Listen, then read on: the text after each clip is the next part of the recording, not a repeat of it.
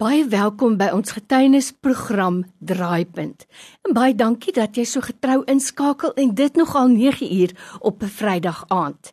Ek is Lorraine Katskin, is my groot voorreg en plesier om ook met jou mense se wonderlike belewennisse te deel. Onthou as jy getuienis het, moenie nalat om vir my te laat weet nie. Stuur 'n SMS met die woord draaipunt na 32716 dit kos R1 of 'n WhatsApp of 'n Telegram na 0844 104104 en dan skakel ek ook vir jou. By my in die ateljee vandag het ek vir Delia Kamara en dit is my altyd lekker om vir jou te sien Delia, jy's so vol van die vreugde van die Here. So ek wil vandag net vir jou weer sê baie baie welkom. Uh, goeiedag Lorraine. Ek is so bevoorreg om hier te wees by Radio Tygerberg om 'n getuienis te lewer. Um kortliks wil ek maar net noem van waar ek is. Ek's gebore in Namibië in Luderitz. Ek het 'n Duitse skool by gewoon en ek was in Westdene in Kitmanshoop. Ek het ook gematrikuleer in JG Meyering en na skoolstudies gedoen in mediese sekretariële kursus. Ehm um, kortliks wil ek maar net noem, die Here het my aangeraak in hierdie dae om iets te kom getuig en ehm um, dit begin by die huis. Ek het 'n chemiese wanbalans, maar die die Here gebruik dit in die huis en waaroor oral ek gaan. En wat ek wou genoem het is dat ek nooit die geleentheid gehad om gesond te ontwikkel as volwasse nie. My identiteit was toegesmeer. Ander se identiteit gehad bo wie ek werklik was. Selfs my standaarde en talente was beskou as niks. Toe ek by die Here uitkom, het alles verander. Wow. My uitkyk en my take was om vir hom te werk en alles val in plek. Wonderwerke gebeur om my. Ek leef vir nou en ek berei myself voor vir die uiteindelike geleentheid voor God eendag. En my beroep en uiteinde is wanneer ek in die hemel is daar sal nie geleentheid wees om terug te kyk op my lewe nie. Delia, sjoe, dit is regtig 'n kragtige getuienis wat jy het want as ek nou aan jou dink en aan jou lewe en dit wat jy ook nou hier getuig, dan sê dit vir my eintlik maak dit nie saak wie ander mense dink ek is nie. Die belangrikste is wie God sê ek is en wie ek weet ek is in Christus want dit is my hele identiteit. So belangrik dat ons dit moet onthou.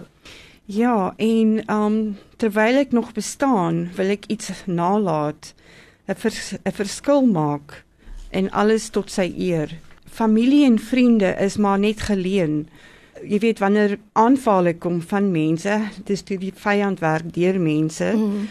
En dan koop jy met omstandighede want God het dit nie gestuur nie. En as my werke uit God is, kan dit nie vernietig word mm. nie.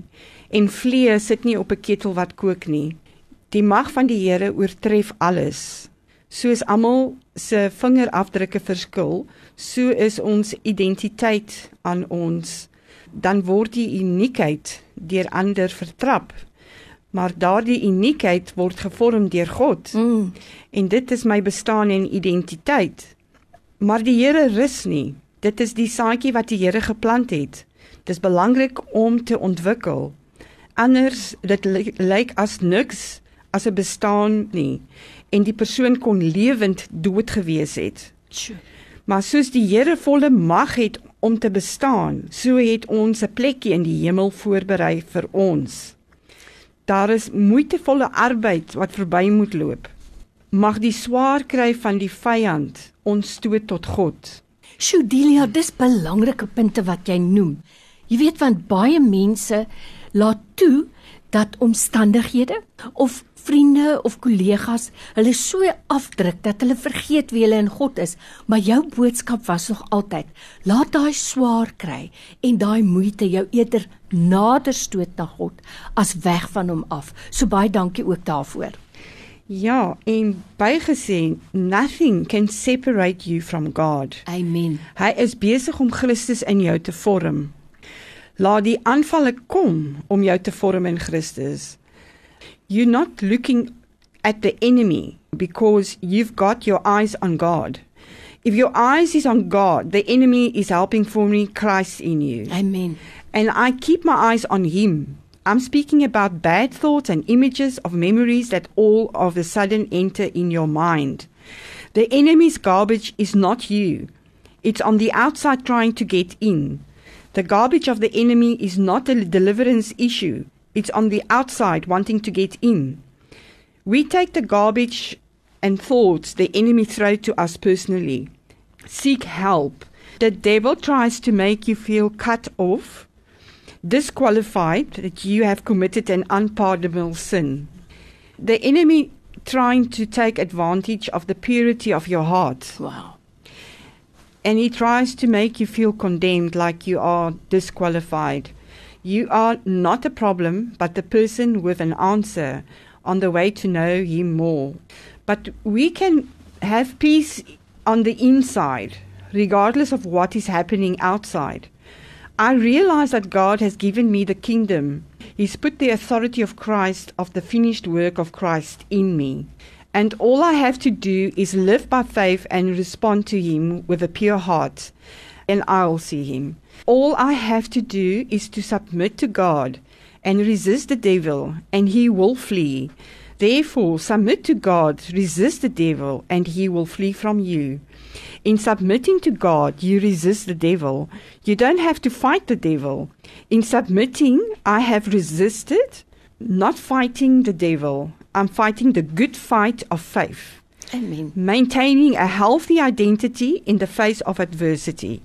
And the enemy's garbage is only a problem if it becomes my focus.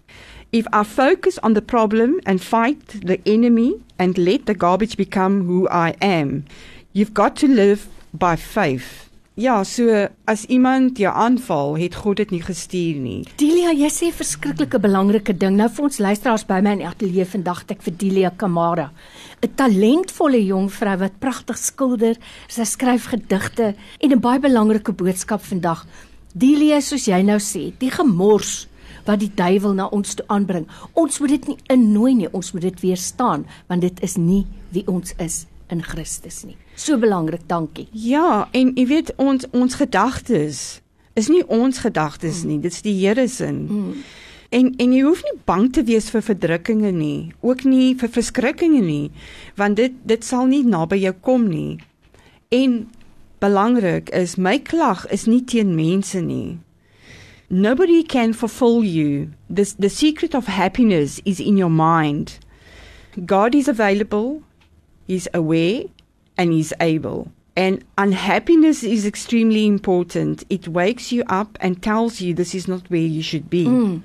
And I found a place in this world. In this world, the darkness of the world, there's, there's a light. And I wanted to shine and reach others as much as God allows me to share. You know, angels fly because they have chosen to, to take things lightly. hou, hou jou oë op dinge van bo en moenie jou steur aan dit van benede nie. Mm. Bedink dit wat mooi is. Wat jy ook al doen, doen dit van harte soos vir die Here en nie vir mense nie. Want mense stel jou teleur en hulle is verganklik. En die begeerte van volkomme beheer veroorsaak die meeste stres in ons lewens. Want God is in beheer. Sjoe, Delia, daar's so baie boodskappe waarby ek eintlik wil stil staan. Dis so waar wat jy sê. Ons wil al die beheer neem en dan wil ons nou sommer ook nog bekommer oor dit wat in die wêreld aangaan. Ons wil sommer al daai bekommernisse ook vir ons vat. Maar ons moet onthou, God is steeds op die troon en hy is in beheer. En soos jy nou net aangehaal het uit Filippense 4, bedink dinge wat daar bo is. Bedink alles wat goed en reg en mooi is en jy sal 'n aangename lewe hê. Ja, ehm um, iets dieps wat ek ervaar het in my lewe. As 'n mens voel of jy God jou verlaat het, maar hom ondanks jou gevoelens steeds vertrou, aanbid jy hom op 'n heel diepste manier. Wow. Boere bewerk hul grond nie om grond te kry nie, maar die wat hulle reeds het te ontwikkel. Die Bybel vergelyk geestelike groei met 'n saad in 'n soos in 'n kind wat groot word. Uiteraard is babas geheel en al selfsugtig. Hulle dink net aan hulself en hul eie behoeftes. Hulle kan nie gee nie, hulle kan net neem. En uh, alles wat met jou gebeur het 'n geestelike betekenis. Byvoorbeeld, as jy 'n koek wil bak, het jy meel, sout, eiers en suiker en olie nodig. Maar as jy elk hiervan apart eet, dan smaak dit sleg en selfs bitter. Maar as jy dit saam bak, smaak dit heerlik. So as jy God al jou onsmaaklike en onaangename ervarings gee, sal hy dit ten goeie saam saamvoeg. Delia Kamara hier by my in die ateljee en ek dink jy het miskien net weer vir ons 'n bietjie wakker gemaak om te sê as ek waarlik weer gebore is, moet my gedagtes vernuwe word. Ek kan nie bly soos die ou mens wat ek was nie en dink soos die ou mens wat ek was nie. So vir daai gedagtes weer vandag Delia, so baie baie dankie. Jy weet, um, ons moet standvastig wees onbeweeglik, altyd oorvloedig in die werk van die Here. Omdat jy weet dat jy arbeid in die Here nie te vergeefs is nie. En alles wat verkeerd loop tot is, is tot julle eer. Ek wil ook uh, groete stuur aan broer Wally, Pastor Wally en um, Gerard van Tonder. Ek is baie dankbaar. Hierdie twee mense verryk my lewe. Hulle is my beste koneksie wat ek het in Christus. Ek is vreeslik dankbaar daarvoor. Delia Kamara weer by ons in die ateljee. Be blessed en ek hoop ons sien jou gou weer Delia. Baie baie dankie vir die geleentheid.